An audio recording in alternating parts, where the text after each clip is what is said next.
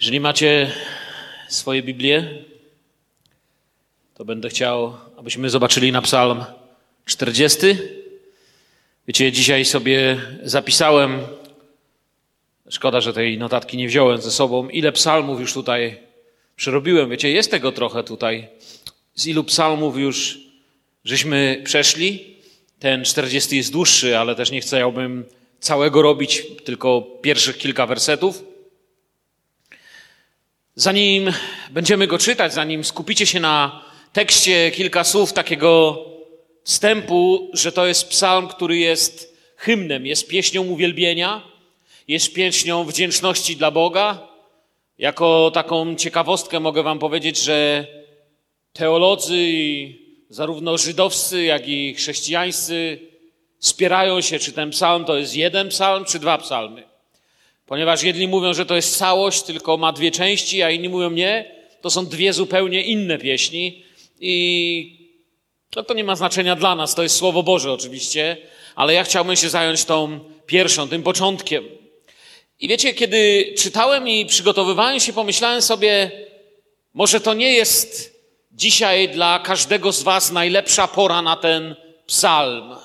Ci z Was, którzy w jakiś sposób przeszli ostatnio różne doświadczenia, albo mają problem, jakby bardziej będą poruszeni, ale ci z Was, którzy mają dzisiaj, powiedzmy, taki dość dobry czas, właściwie spokojnie sobie żyją, mogą powiedzieć: No, ten psalm jest dość dramatyczny.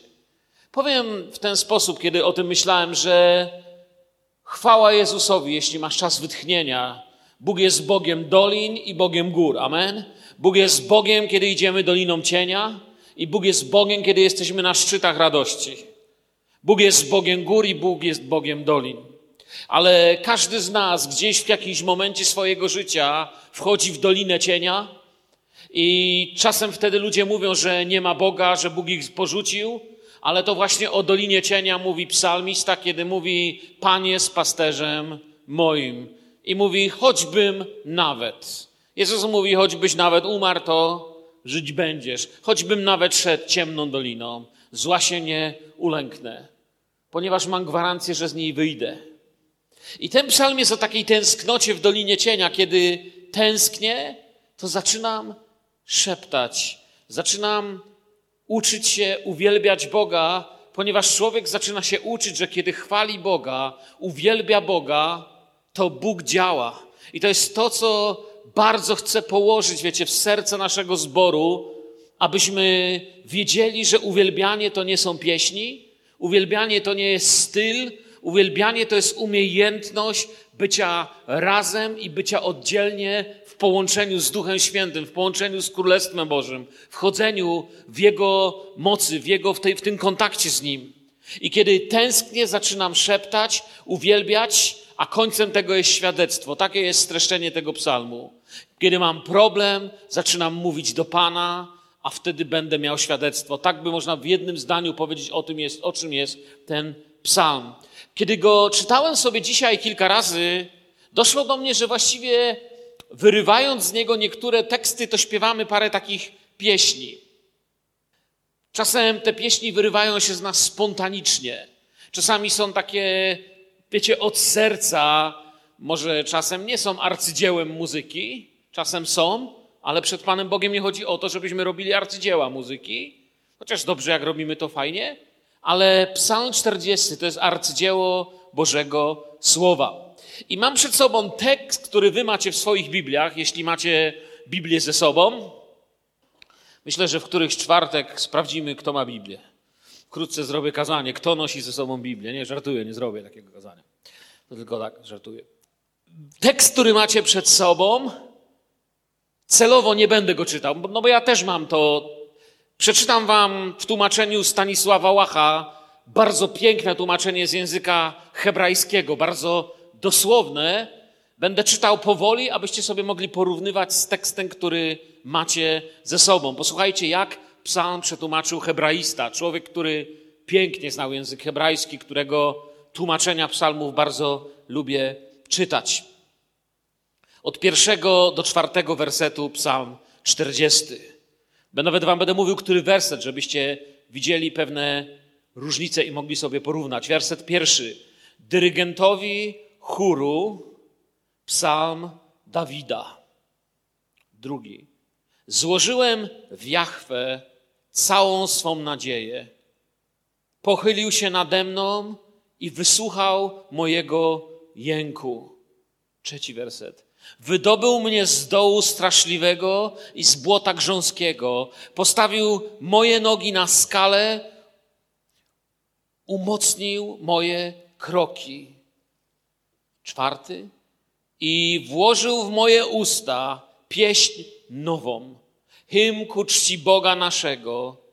Widziało wielu i ulękło się i złożyło nadzieję w Jachwę. Oto kilku słowach mamy takie streszczenie dramatycznego przeżycia, być może nawet wielu osób, które tutaj dzisiaj siedzą na tej sali. Być może to, co teraz czytałem, dla jednych z Was brzmi jak piękny tekst biblijny, piękna, nie wiem, poezja hebrajska, ale dla innych to brzmi tak, że mogą wstać i powiedzieć: Bracie, to jest właśnie moje życie. Byłem w miejscu, gdzie wołałem do Pana, a Pan się nade mną pochylił, Pan się nade mną ulitował. Wiecie, Biblia pokazuje mi ciągle i ciągle, że nawet najlepsi przyjaciele nie zrozumią nas tak, jak rozumie nas Bóg. Że nawet najlepsi przyjaciele nie mogą nam czasami pomóc tam, gdzie zawsze może pomóc Bóg. Powoli uczę się, że jestem, wiecie, coraz mniej rozczarowany ludźmi. Kiedyś, jak byłem młodszy, to mnie strasznie po głowie waliło, jak ludzie zrobili coś źle, coś jak to możliwe, no to wierzący, że to może tak tego. Potem nauczyłem się, że sam zawiodłem wielu ludzi, a dziś chyba dochodzę do miejsca, że wiecie, powoli już nie jestem rozczarowany ludźmi. To nie znaczy, że mnie coś nie boli, czy was nie boli, ale powoli już po prostu wiem, że ludzie zawodzą. Już mnie chyba powoli nie zdziwi ktokolwiek by mnie zawiódł, ale chcę się uczyć składać w Bogu moją ufność i Biblia po raz kolejny mi pokazuje, że Bóg nie zawiedzie, że Bóg będzie blisko, że mogę oczekiwać na Jego dobroć, bo Bóg jest miłością. Bóg jest miłością, jest decyzją o tym, by Jego życie położyć dla mnie, abym ja moje życie mógł kłaść dla Niego. I popatrzmy na tekst tego psalmu. Złożyłem w Jachwę całą swą nadzieję. Czy w nadziei czekałem na Pana? Pochylił się nade mną i wysłuchał mego jęku. Gdzie ciekawa rzecz jest, że wszystko zaczyna się w relacji z Bogiem, no właśnie, nie od modlitwy wcale. Chciałoby się tak ładnie i pobożnie powiedzieć, że no, zacznij się modlić, to ci tam Pan Bóg wynagrodzi, wiecie, ale to są puste słowa wtedy. Wiem, że to ładnie brzmi oczywiście, ale tylko doświadczenie tego, co tu jest napisane, rzeczywiście może usunąć ból z serca, może zabrać tęsknotę, odrzucenie i myślę czasem, że to nasze takie czasem chodzenie, marudzenie, plotkowanie, wyrzucanie z siebie własnego bólu, brudu jest wynikiem niewiary, właśnie brakiem tego, że nie dzieje się z nami to, co się dzieje z tym, który napisał Psalm 40. I powiem to w taki sposób, wiecie, może mocny, jak często my ludzie musimy uderzyć w ścianę naszej niemocy i realności, żeby doświadczyć Bożej obecności i Bożej mocy.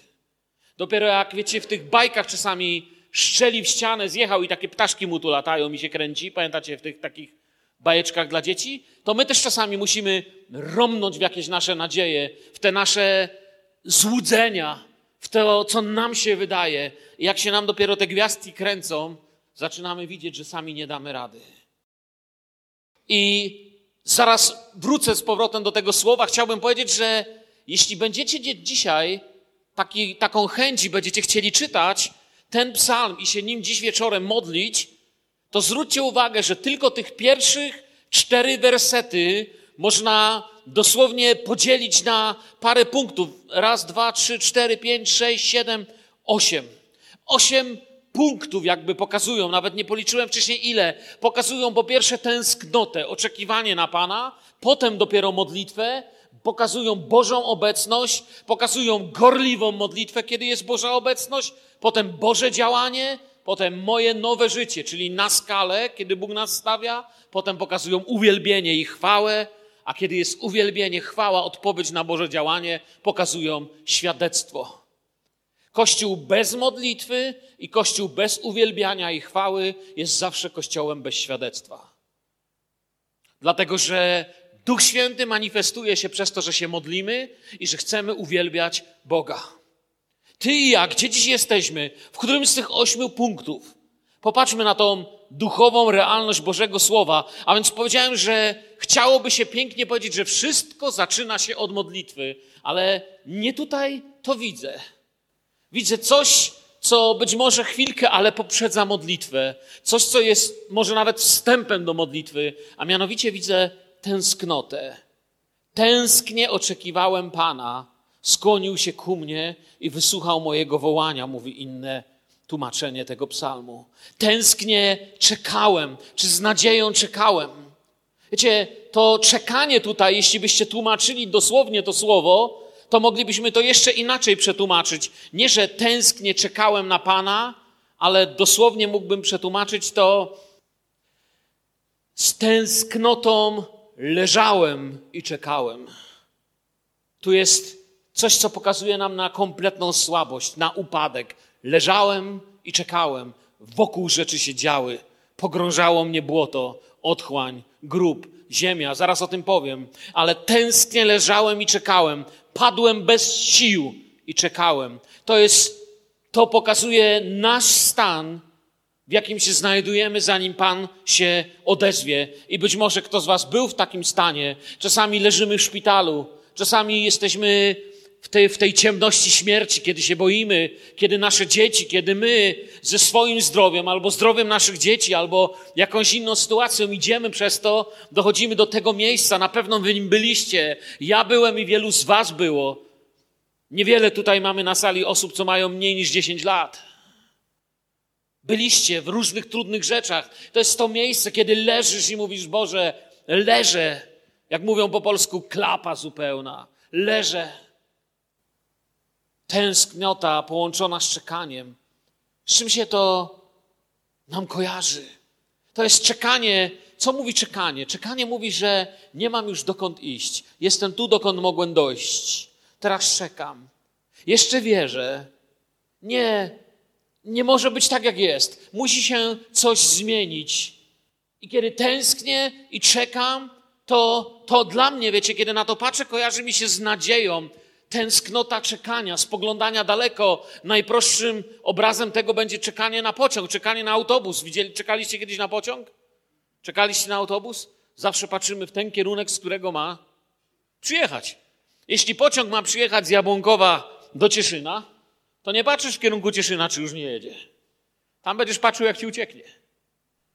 Jeżeli czekasz na Jezusa, to nie będziesz mówił, zobaczymy, co się stanie, tylko powiesz, będę czekał z czystym sercem na to, co się stanie. To jest ta nadzieja czekania i takie oczekiwanie na Boga kończy się dopiero tym, że On je zaspokoi, czyli spotkaniem z Nim. Cie, czekanie na Boga bez tęsknoty, czyli tego, kiedy nie, nie tęsknimy, a tylko mówimy, że czekamy, jest puste. Bóg się nie da oszukać naszym słowom. To jest trochę tak, jakbyś wyszedł, nie wiem, w Tatrach, na najwyższy szczyt, na Rysy na przykład, albo gdzieś na Gerlach i powiedział: Siądę sobie tutaj i poczekam na autobus. Czekaj sobie ile chcesz. Jest jeden problem. Możesz tam siedzieć ile chcesz, tylko autobusy tam nie jadą. I kiedy człowiek na tej górze swojej własnej pychy, swoich własnych planów zasiada i mówi: Czekam tu na Boga, to równie dobrze z Biblią w ręku można powiedzieć: Czekaj sobie ile chcesz. Pan Bóg w tym miejscu nie chodzi. Bóg czeka na ludzi skruszonych, na ludzi pragnących, Błogosławieni, którzy pragną i łakną sprawiedliwości. Błogosławieni są oni, ubodzy w duchu. Pamiętacie, jak się tłumaczyło to błogosławieni, ubodzy w duchu? Jakiś czas temu, wiem, że to już było dawno, kiedy miałem z tego wykłady. Błogosławieni, zależni od Boga. Czyli inaczej, błogosławieni, ubodzy w duchu. Czy błogosławioni, których jedynym źródłem jest Bóg. Gdyby tego źródła nie mieli, są całkowicie biedni. Oni są błogosławieni.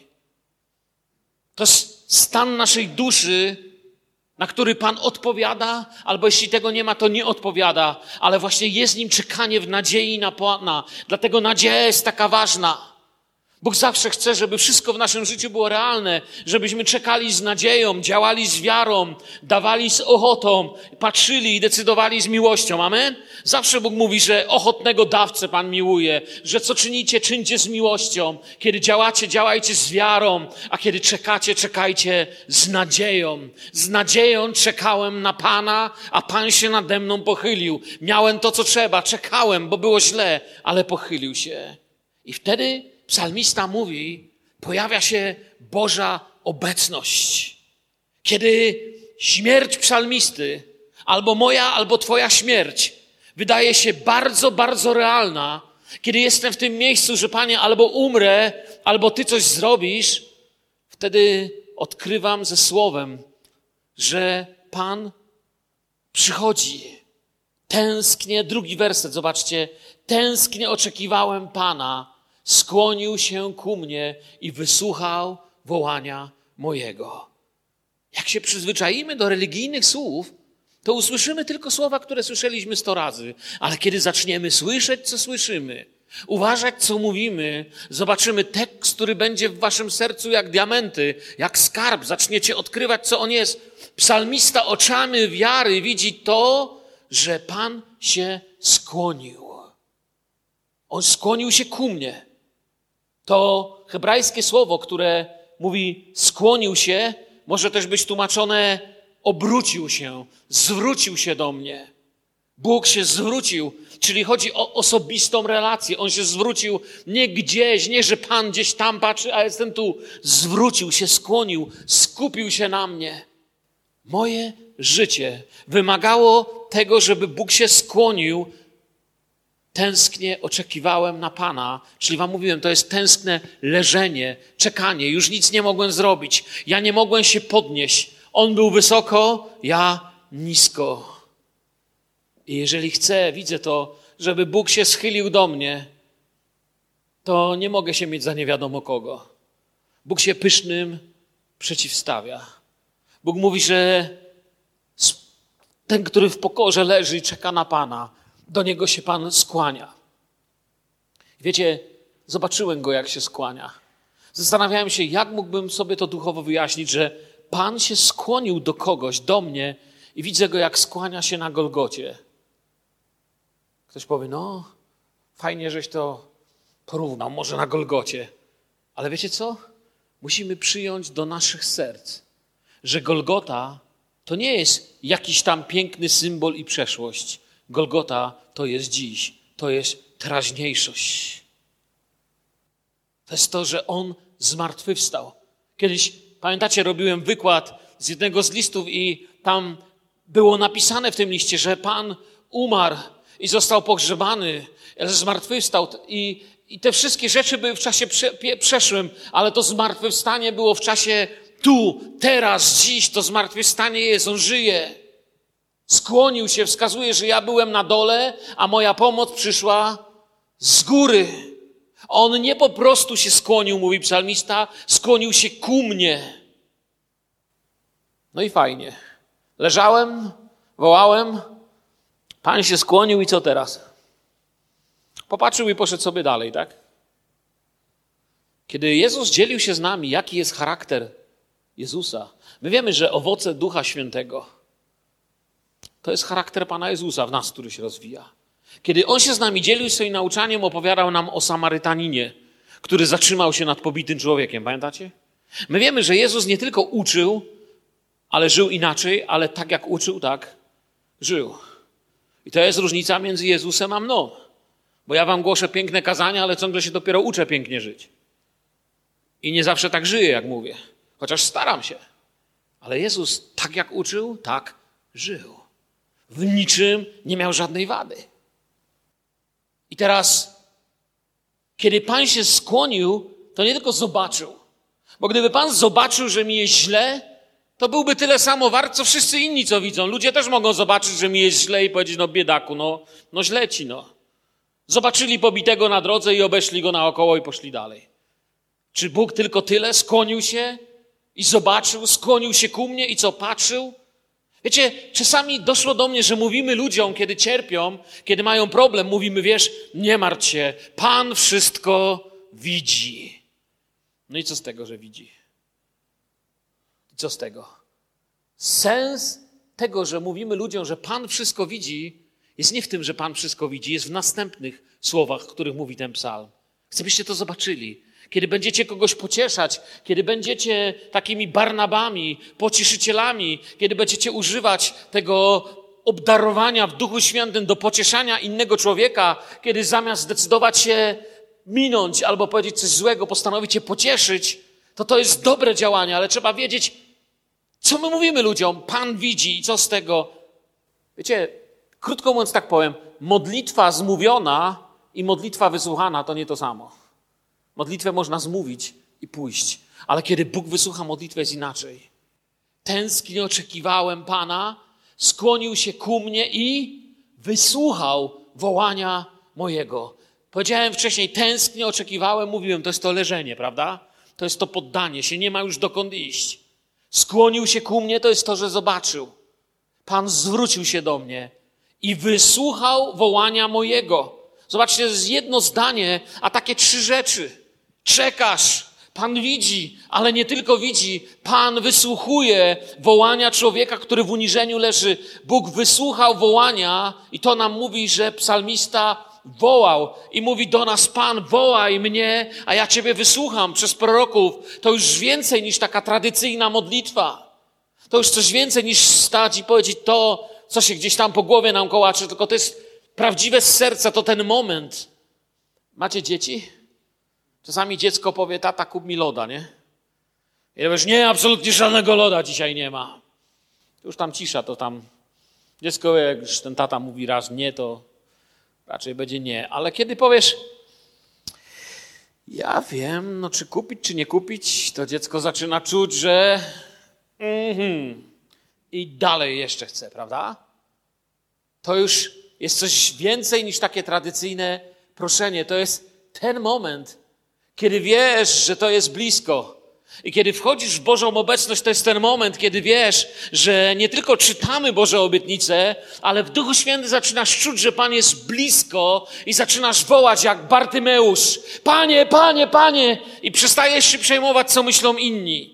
Tego wołania już ani nie uciszy cudza niewiara, ani nie uciszy go tęsknota, która boli, ani pytania. Wiesz, że jeśli Pan ci nie odpowie, to padniesz trupem z rozpaczy. I tu się zaczyna Boże działanie. I tu jest to wspaniałe słowo, o którym tęskni, za którym tęskni każdy z Was i ja, kiedy modlimy się o nasz zbór, kiedy modlimy się o naszą miejscowość, o nasze dzieci, o nasze życie. To jest to słowo wysłuchał. Wow. Nagle czujesz, że nie tylko pochyla się nad Tobą, czujesz, że zaraz chwycisz go za rękę. Czujesz, że wysłuchuje. To jest to, za czym tęsknię. Panie, jest tyle spraw, których potrzebuję się Ciebie uchwycić. Z całej siły potrzebuję Twojego wysłuchania. Wiecie, tutaj mamy to, to, to, słowo, znane hebrajskie słowo, wysłuchał. Tu jest to, to słowo szema, czyli to, to, to jest głębokie słowo. Znacie to słowo, prawda? Od tej modlitwy Szema Izrael. To jest słuchaj Izraelu, a tutaj Pan wysłuchał. To, to troszkę inaczej, ale tutaj to, to słowo znaczy, że ma moc, by usłyszeć, ale nie tylko, że usłyszeć, jego słuchanie jest pełne uwagi, zainteresowania, reakcji. To jest, że Pan wysłuchał.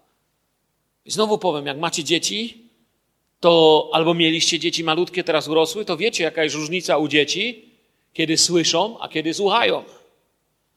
Bo słyszą prawie zawsze, ale nie zawsze słuchają. Krzyczysz, posprzątaj pokój, a on słyszy. Tylko czy posłucha? I Bóg mówi tutaj, ja nie tylko słyszę, ja cię wysłuchuję.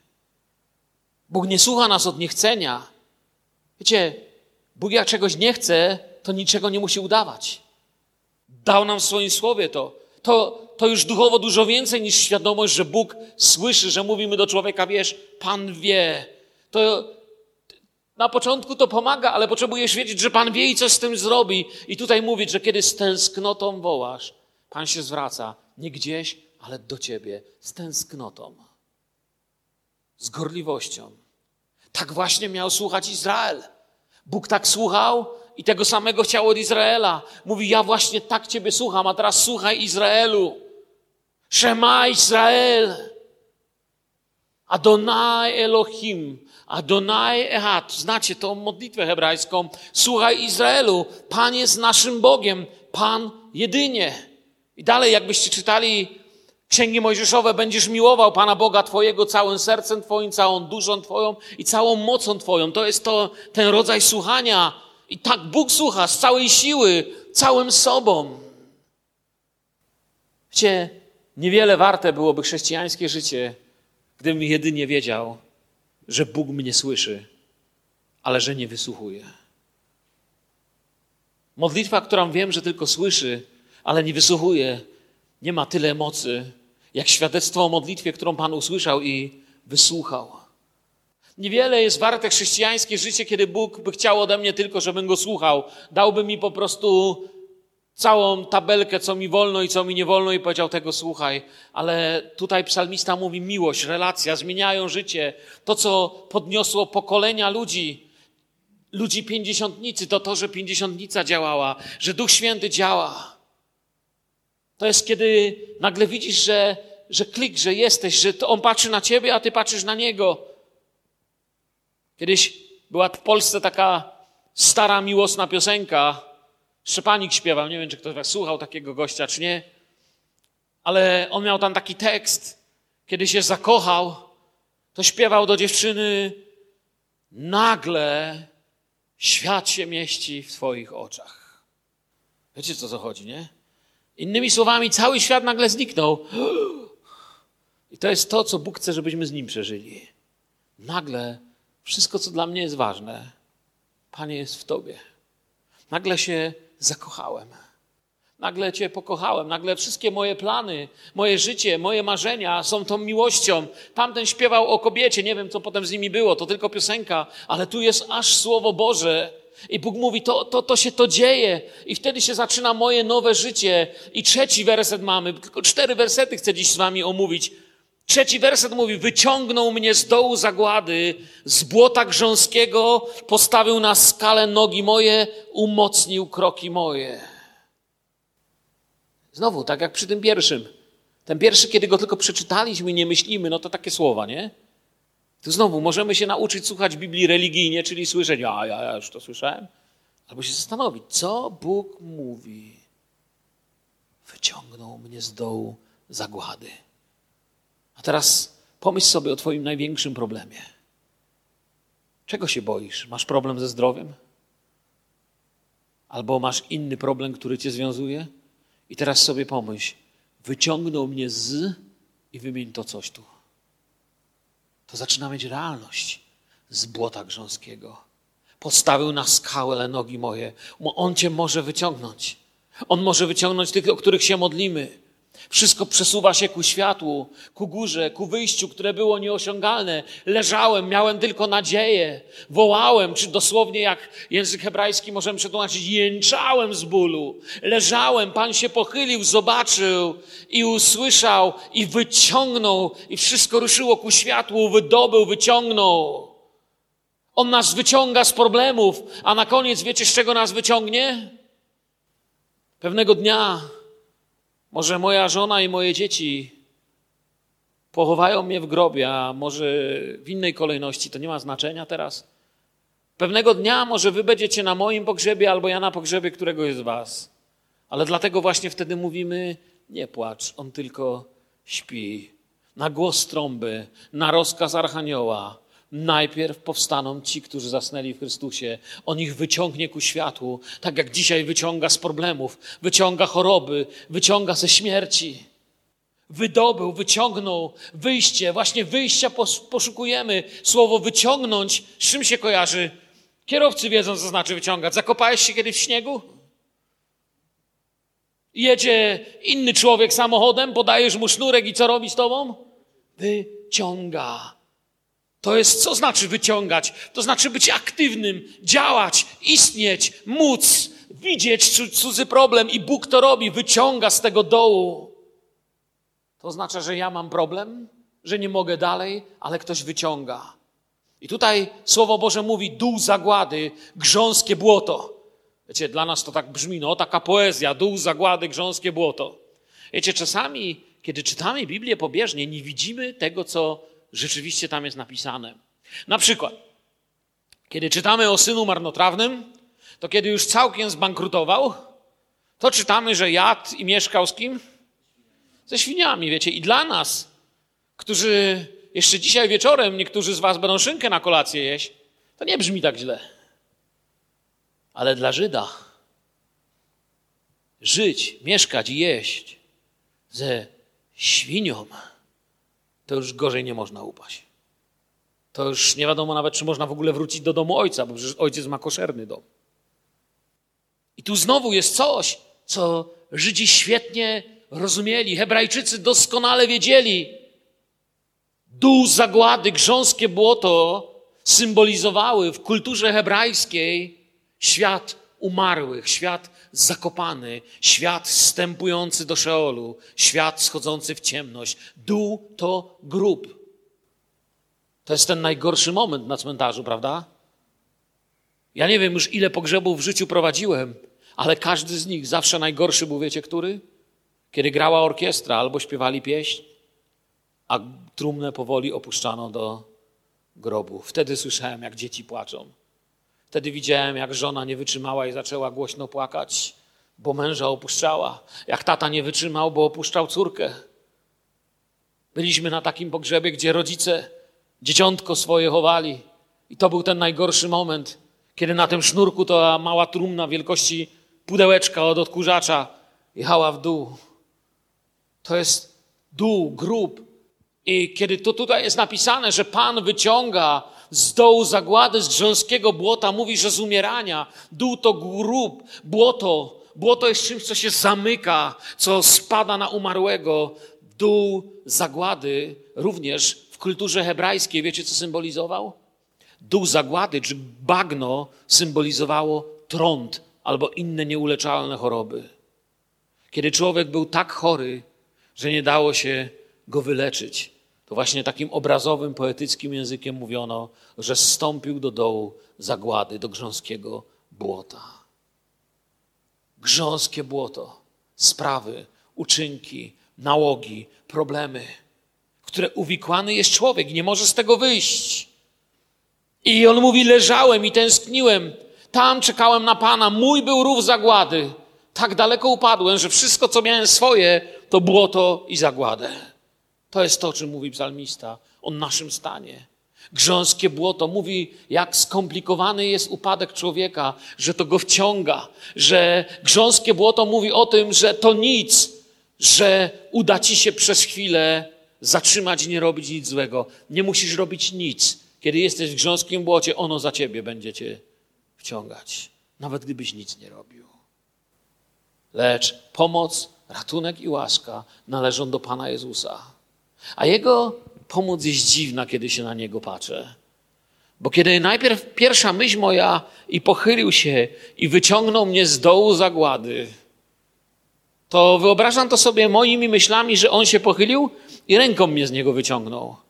Ale kiedy bardziej rozmyślam, jak to zrobił, zaczynam widzieć, że nie tylko On mnie wyciągnął, ale zobaczyłem, jak w moje miejsce zaczął w nim tonąć. Ale grób go nie mógł utrzymać, ponieważ prawo życia jest takie, że On był bez grzechu, a tam, gdzie nie ma grzechu, śmierć nie ma mocy. On za mnie wziął moje miejsce. Kto kiedykolwiek z Was pracował z nawracającymi się ludźmi na misjach, w więzieniu, w domu, gdzie alkoholicy są, czy jakiś inny rodzaj ludzi pogubionych w życiu, wie, jak wyglądają ci, którzy wracają z diabelskiej niewoli. Wyglądają jak ludzie, którzy wracali z Oświęcimia, z obozów koncentracyjnych. Są brudni, zbankrutowani, nic już nie wierzą, niczego nie czują, są głodni. A Pan mówi, że ich chce wyciągać. Duchowo przypominają takich więźniów tacy ludzie. Ale Jego jest siła, moc i łaska i moja wolność. A więc wyciągnął mnie, amen czy nie? No ale co dalej? Tak jak wcześniej, no. Wcześniej nie popatrzył, ale co chcielibyście, żeby tylko patrzył? Chcielibyśmy, żeby jeszcze wysłuchał. A teraz wyciągnął, no i co? No właśnie, no bo co? Mam wisieć w powietrzu? Co za cudowne chrześcijaństwo. Wyciągnął mnie Bóg i teraz ja tak będę wisiał już do końca życia. Tak sobie powiszę między niebą a ziemią. Nie. Nie ma takiego rodzaju chrześcijaństwa. To nie jest pozytywna bajka o Bogu, co pomaga. To prawda, przesłanie, tu jest Ewangelia, Chrystus, skała, postawił moje nogi na skalę, ale chcę, żebyśmy zobaczyli, co to znaczy. Wiecie, co znaczy skała? Skała oznacza, że już nie zjeżdżam w dół, bo teraz stoję na skale. Na błocie, czy coś robiłem, czy nie robiłem, i tak w dół jechałem. Jeśli ktoś z Was tonął w bagnie, mam nadzieję, że nigdy nie tonęliście w prawdziwym bagnie, to problem z bagnem jest taki, że czy się człowiek rusza, czy się nie rusza, i tak idzie w dół. Jeśli go ktoś z zewnątrz nie wyciągnie, to sam się nie wyciągnie. Ale stać na skalę znaczy, że już nie idę w dół, nie pogrążam się, że mogę się teraz na czymś oprzeć, że mogę zacząć wszystko od nowa, mogę już tam nie wpaść, że już nie jadę w dół, że już nie robi się coraz ciemniej, że przeminęły noce, kiedy się bałem, przemijają noce, kiedy drżę o swe życie. Skała, mój kochany Jezu. Zaczynam się modlić, wiecie, zaczyna się to uwielbianie teraz. Panie, bez Ciebie spadnę w dół. Bez Ciebie wrócą straszne noce i straszne dni. Dlatego chcę Ciebie wywyższać, chcę Tobie śpiewać, chcę się napełniać Twoją chwałą, chcę chodzić w Twoim duchu. Jeżeli zapomnę Ciebie, jeżeli przestanę stać na skalę, diabeł wróci i najpierw z powrotem założy mi kajdany, z których mnie wyrwał, a potem będę słyszał nocą jego śmiech. Ale teraz stoję na skale. Skała. Mój krok uczynił Jezus pewnym. Pewnym me kroki uczynił, mówi Słowo Boże. Czy komuś trzeba tłumaczyć między, różnicę między pewnym krokiem, a niepewnym krokiem? Jest różnica, jak widzicie człowieka, który idzie tak, a różnica, jak widzicie kogo, co idzie tak, wiecie, no nie będę tu cyrku robił. Ale wiecie, o co mi chodzi? Jest różnica między pewnym chodzeniem i niepewnym chodzeniem. Chrystusie ja się nie zataczam, nie skradam, nie chodzę na palcach. Mogę uwielbiać, mogę być głośno, mogę być pewny tego, co chcę. Nie muszę, nie muszę szeptem mówić: Jezus. Mogę powiedzieć: Jezus mnie uwolnił. Nie wiem, czy wam kiedyś opowiadałem. Taka historia mnie bardzo inspiruje. Powoli chciałbym kończyć, mój czas mija. Nie wiem, na ile znacie sprawy dotyczące reformacji, ale wiecie, że jeden z tych reformatorów, Marcin Luther, musiał się przeciwstawić całemu temu systemowi. Czasem ludzie mówią, że Luther nie był doskonały, ja im wtedy mówię, że niczego nowego nie odkryli, bo Jezus jest tylko doskonały. Pewnie, że był niedoskonały. Ale zrobił krok, którego my często się boimy zrobić. Jest taka ciekawa historia. To się stało dokładnie 17 kwietnia 1521 roku, kiedy Luther miał stanąć, wiecie, przed całą tą komisją, przed tymi wielkimi teologami, urzędnikami. Miał stanąć przed tymi, którzy, wiecie, to byli, to się nazywało dosłownie politycznie, mówiono na to majestat świętego cesarstwa, czyli książęta niemieccy, teolodzy, księża i tak dalej. Czuł się nerwowy, pisał. Czuł się wystraszony, bał się. I wiecie, co się stało 17 kwietnia? Nic się nie stało, bo się wystraszył i nie stanął. Całą noc zaczął się modlić takim właśnie psalmem. Zaczął się modlić, Boże, daj mi siły, daj mi pewności. I wstał świt 18 kwietnia, ostatnia szansa. Patrzyli na niego bardzo ważni ludzie, ludzie, którzy mogli nawet zgładzić jego życie. Wiecie, wyszedł i nagle zobaczyli, że to nie jest ten człowiek, który był wczoraj. Wczoraj się bał, a teraz zobaczyli człowieka, który się nie boi, który podniósł swój głos i wypowiedział te historyczne słowa. Nie mogę odwołać, mówił. I nie odwołuję niczego. Czytam wam teraz cytat z Lutra. Stawać bowiem przeciw sumieniu nie jest rzeczą ani słuszną, ani bezpieczną. I tak rozpoczął, posłuchajcie. Tak oto stoję i inaczej nie mogę, tak mi dopomóż Bóg. Amen. I zaczął mówić. Przyszła mu odwaga. To jest to chodzenie po skale. Nie musi się skradać, może śpiewać, może mówić. Wspaniałe jest zwycięstwo w imieniu Jezusa, jest taka pieśń. Wspaniałe jest zwycięstwo w imieniu Jezusa. I tu się zaczyna uwielbianie. I to jest ten czwarty werset. Włożył w usta moje pieśń nową. Pieśń pochwalną dla Boga naszego. Ujrzy go wielu i ulęknie się i ufać będą Panu. Zwróćcie uwagę, że to, że nas ludzie widzą, jest powiązane z uwielbianiem i z chwałą. Już wcześniej mówiłem i powiem, będę wiele razy mówił. Jeżeli diabeł nie będzie mógł nas zniszczyć, będzie nas chciał zamknąć do getta. Żebyśmy się zamknęli w czterech ścianach i mieli swoje piękne, spokojne nabożeństwa. Ale jeżeli chcecie być kościołem, który świeci, to to jest moment uwielbiania.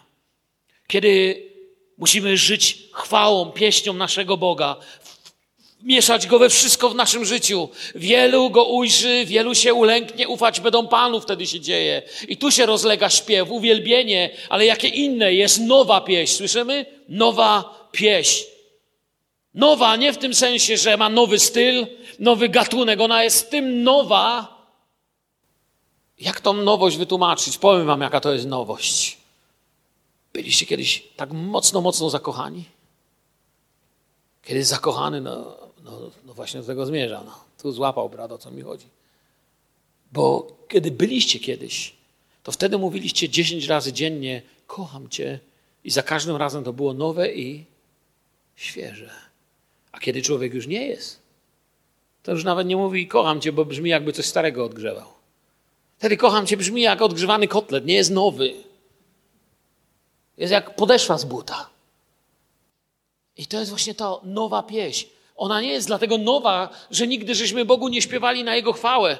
Ona nie dlatego jest nowa, że nigdy nie mówiłem Mu, że Go kocham, ale jest nowa w tym, jak prawdziwa jest, jak z serca, jak dziś posilił mnie Pan. Była taka pieśń, myśmy kiedyś ją śpiewali, nie wiem, czy ją znacie. Dotknął mnie dziś Pan, radość ogromną w sercu mam i z tej radości chcę śpiewać, klaskać dłonie swe. A diabeł mówi grzech klaskać, grzech śpiewać, grzech być głośno, grzech mówić. W ogóle to nie mówcie, zamknijcie się tu, zamknijcie gęby, siedźcie tu, krytykujcie świat, a potem umrzyjcie.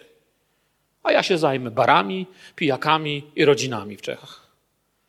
A wy bądźcie cichutko i nie przeszkadzajcie. Układ. Ja was nie będę dotykał, wy mnie nie zaczepiajcie. To nie jest przymierze, które my mamy. Gdy on wkłada to w serce to brzmi zupełnie inaczej. Zaczyna nowa pieśń, mówi: Przyjdź, Duchu Święty. Ta pieśń to jest Boży dar, ona jest pomarzana, święta. I świat nie może pozostać wobec niej obojętny. I zobaczcie, co daje ta pieśń. Ja mówię tylko to, co pisze w Biblii. Ona przynosi Boża, bojaźń Bożą. Pisze tam tak czy nie? Przynosi. Ludzie dzięki niej widzą, doświadczają Bożej bojaźni. Pisze tam tak czy nie? A więc módl się, Panie, daj mi nową pieśń. Chcę, żeby moje dzieci to zobaczyły. Chcę, żeby mój mąż, który się stacza w grzech, to zobaczył. Chcę, żeby moja żona, która bidula już nic nie wierzy, to zobaczyła. Chcę, żeby to zobaczyli ci, których kocham. Oto co może pomazanie. Dzisiaj sobie to czytałem. I tak zacząłem tęsknić za taką Bożą obecnością. I kończąc, tutaj mamy właśnie to świadectwo kończy się uwielbianiem i świadectwem. Oczywiście, że wielu zobaczy i usłyszy taki kościół. Twoje i moje świadectwo jest widoczne. Pamiętam tych, którzy się nawrócili. Wiecie, taką wiarę chcę zachować. Wielu Biblia mówi, zobaczy, przejmie ich trwoga. A kiedy ich przejmie trwoga, to uciekną do Boga. I nie będą musieli czekać na trwogę w swoim życiu, ale zobaczą chwałę, zobaczą, jak straszne jest życie bez Boga. I ludzie widzą świadectwo, że jakiś tam miał zawsze z tym problem, a teraz znalazł Pana. Wiecie, kończąc, przypomina mi się stara historia, też już nie pamiętam, już tyle tych historii wam opowiedziałem, że nie pamiętam, które opowiadałem, które nie. Ale mam nadzieję, że macie taką samą dobrą pamięć jak ja i wysłuchacie jeszcze raz, jak opowiadałem. Przeczytałem ją w książce, którą napisał Max Lucado. Pisał o takim człowieku, który nazywał się, tak dziwnie się nazywał, Eddie Rickenbacker. W 1943 roku przeżył szok, koszmar swojego życia. Nie wiem, czy czytaliście o tym człowieku, czy nie. Pilot, wojskowy, oficer, kapitan lotnictwa. I wiele razy, kiedy się zestarzał, ludzie się z niego śmiali, Dlatego, że Eddie Rickenbacker miał taki zwyczaj, że ubrany w swoją wojskową kurtkę i czapkę szedł wzdłuż, wiecie, nabrzeża falochronów nad oceanem, dochodził do końca i codziennie przynosił torebkę z krewetkami. I ani nie łapał na te krewetki ryb, ani ich sam nie zjadł po drodze, ale podrzucał te krewetki i karmił mewy i śpiewał psalmy. I ludzie się śmiali, mówili: No, co zrobisz? Coś mu się porobiło z głową. Ale pewnego razu jego historia wyszła na jaw. Okazało się, dlaczego Rickenbacker to robi. W 1943 roku, w 1943 roku, jako kapitan prowadził bombowiec B-17. To jest tak zwana ta amerykańska latająca forteca. Potężny bombowiec. I z jakiegoś powodu coś im się stało ze sprzętem i zgubili się, słuchajcie, nad oceanem. Latali, latali, ale nie mogli znaleźć lądu. Mieli coraz mniej paliwa i w końcu wyłączyły się im silniki i cały ten potężny bombowiec runął do morza. Musieli się ewakuować i nadmuchaną mieli taką tratwę. Problem był tym, że nikt ich nie znalazł, nikt nie wiedział, gdzie są. I pływali na tej tratwie, miały dni, przeżyli sztormy, potrafili sobie jako radzić, ale najstraszniejszym problemem, jaki zaczęli mieć, był głód. Wodę nabierali w czasie deszczu, ale miały dni, zamieniały się w tygodnie, nie mieli co jeść. Walczyli z pogodą, jak mówię, rekinami, upalnym słońcem i największym problemem zaczął być głód. Po ponad tygodniu, kiedy już nic nie mieli, to stwierdzili razem, rozmawiając na tej tratwie, mówili: Teraz może nas uratować tylko Bóg. I zaczęli wołać do Boga. I postanowili, że rozpoczną modlitwy. I kiedy któregoś dnia skończyli popołudniową modlitwę, Rickenbacker położył się, zasunął, wiecie, swoją czapkę na nos i po prostu położył się spać, leżeć. Był taki głodny, że już się nie mógł ruszać. I wtedy na głowie poczuł, że mu coś usiadło. I mu powiedzieli, mewa ci usiadła na głowie. Nie wiedzieli skąd na środku Atlantyku wzięła się, me, czy, czy Pacyfiku, nie wiem dokładnie, na Pacyfiku to było. Skąd na środku w każdym razie oceanu wzięła się mewa. I wiecie, dziwną rzecz przeżyli. Kiedy sięgnął ręką, ten ptak w ogóle nie uciekł, oni go złapali. Jak gdyby ktoś mu kazał zostać na jego głowie. Rozpruli tego ptaka, mieli mięso, ale co najważniejsze, mieli wnętrzności tego ptaka, które użyli do łapania ryb. I przeżyli. Dała się złapać i przeżyli. Kiedy opowiadał, mówi, że do dziś nie wiem, dlaczego setki mil od brzegu była mywa. Rickenbacker mówi tylko Bóg wie, ale obiecał sobie wtedy, że pozostanie wdzięczny Bogu. I każdy piątek szedł kupić porcję krewetek i poszedł śpiewać psalmy i karmić mewy. Bo mówił: Bóg dał mi serce pełne wdzięczności. I to jest, co ludzie widzieli. I kiedy usłyszeli jego historię, przestali się z niego śmiać. Mieszkańcy zaczęli go szanować i napisano o nim książkę. Wiecie, kończąc to, co łączy nas z tym starym kapitanem, to Psalm 40. To, co łączy ciebie i mnie z kapitanem Ricken, nawet nie potrafię tego nazwiska dobrze, Rickenbackerem, to jest świadomość, że pośród grząskiego błota, w dole zagładzi, zagłady, czy tak jak psalmiści w innym miejscu mówią, czy prorocy, w kipieli szumiących wód, setki mil od nieba i od świętości nieba, Syn Boży przyszedł, nie wiadomo skąd, pozwolił się złapać i ukrzyżować, abym ja mógł przeżyć i dotrzeć do domu Ojca. To jest to, co zrozumiałem z tej historii. Gdzieś na środku oceanu była mewa, ale to jest nic w porównaniu do mojego bezbożnego życia, że gdzieś na środku mojej historii, życia, w którym nie było nigdy Boga, nigdy mi nikt nie powiedział, że Jezus mnie kocha w taki sposób, jaki mówi to Ewangelia. Słyszałem, że Bóg jest, ale bardziej mi się kojarzył ze starym dziadkiem, który tylko patrzy, że mi się coś złego stało. Taki miałem obraz Boga. Ale zobaczyłem inny obraz, kiedy zrozumiałem, że to nie była mewa setki mil od brzegu, ale to był Syn Boży, setki mil od Królestwa Bożego pozwolił się złapać. I dlatego niech te cztery wersety zostaną Wam w pamięci, a piątym się chcę z Wami pożegnać. Niech będzie naszą modlitwą. Szczęśliwy mąż, który w Jachwę pokłada nadzieję i nie zwraca się do wyniosłych i do zwolenników kłamstwa. Tęskni jak dawniej, wołaj jak nigdy. Bądź wolny, by spełnić Jego wolę i uwielbiaj z całego serca. Niech się z nas śmieją. Niech się z Ciebie śmieją, że masz siwą głowę, a w niedzielę zaklaszczę z Panu Bogu. Niech się z Ciebie śmieją, że masz już tyle lat, ale potrafisz cieszyć się i radować Bogiem i krzyczeć chwała Jezusowi. Niech się sąsiedzi śmieją, że im mówisz, że mówisz prawdę, bo Jezus Cię kocha. Niech się ludzie śmieją, że mówisz, wiesz co, nie mam wrogów, bo wszystkim wybaczyłem. Musiałbym chyba se nowych znaleźć. Ale nie szukam, bo ja Pana poszukuję całym sercem. Niech się śmieją. Pewnego dnia Pan przyjdzie i to, co jest dziś, zakończy się. Jeśli chcecie, pomódlcie się dzisiaj wieczorem psalmem 40. Psalm 40 jest piękny. Wołałem, wołałem do Pana, a On się nade mną pochylił i wydobył mnie z otchłani i wyciągnął mnie z zagłady i postawił moje nogi na skalę. Wielu się ulęknie i wielu to zobaczy i zaufa Panu. Niech Pan Was błogosławi. Podziękujmy Mu, wstańmy.